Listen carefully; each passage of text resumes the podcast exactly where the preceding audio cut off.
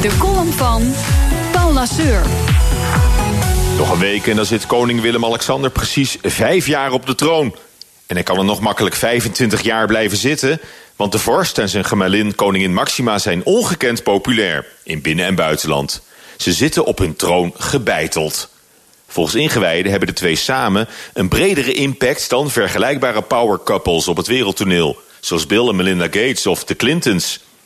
Het Financiële Dagblad deed diepgravend onderzoek naar de toegevoegde waarde van het Koningshuis voor de Nederlandse economie. En de balans die de krant opmaakt is uiterst positief. Willem-Alexander dient bedrijven meer dan Beatrix.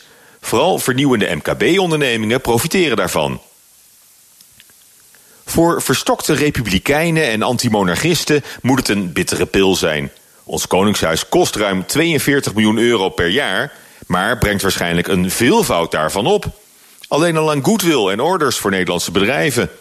Op recente handelsmissies, waar het koningspaar bij was... werden voor honderden miljoenen euro's aan contracten ondertekend.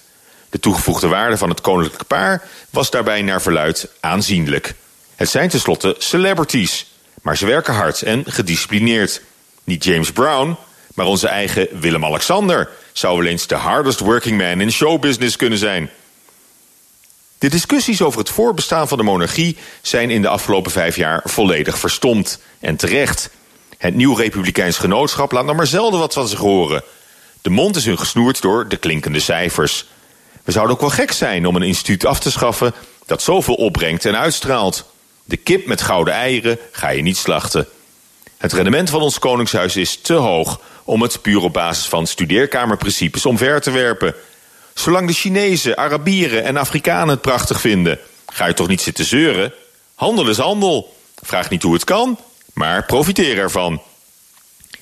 In een ideale wereld wordt het staatshoofd natuurlijk niet door erfopvolging aangewezen, maar gekozen door het volk. Natuurlijk is het koningschap een buitengewoon ondemocratisch sprookje, vol glitter en glamour. Maar zolang het werkt, is het een sprookje waarin ik best wil geloven. Het omgekeerde zien we helaas veel vaker. De leider van de vrije wereld is een onberekenbare gek. Maar wel voor vier jaar gekozen door het Amerikaanse volk. Geheel volgens de wetten van democratie en republiek.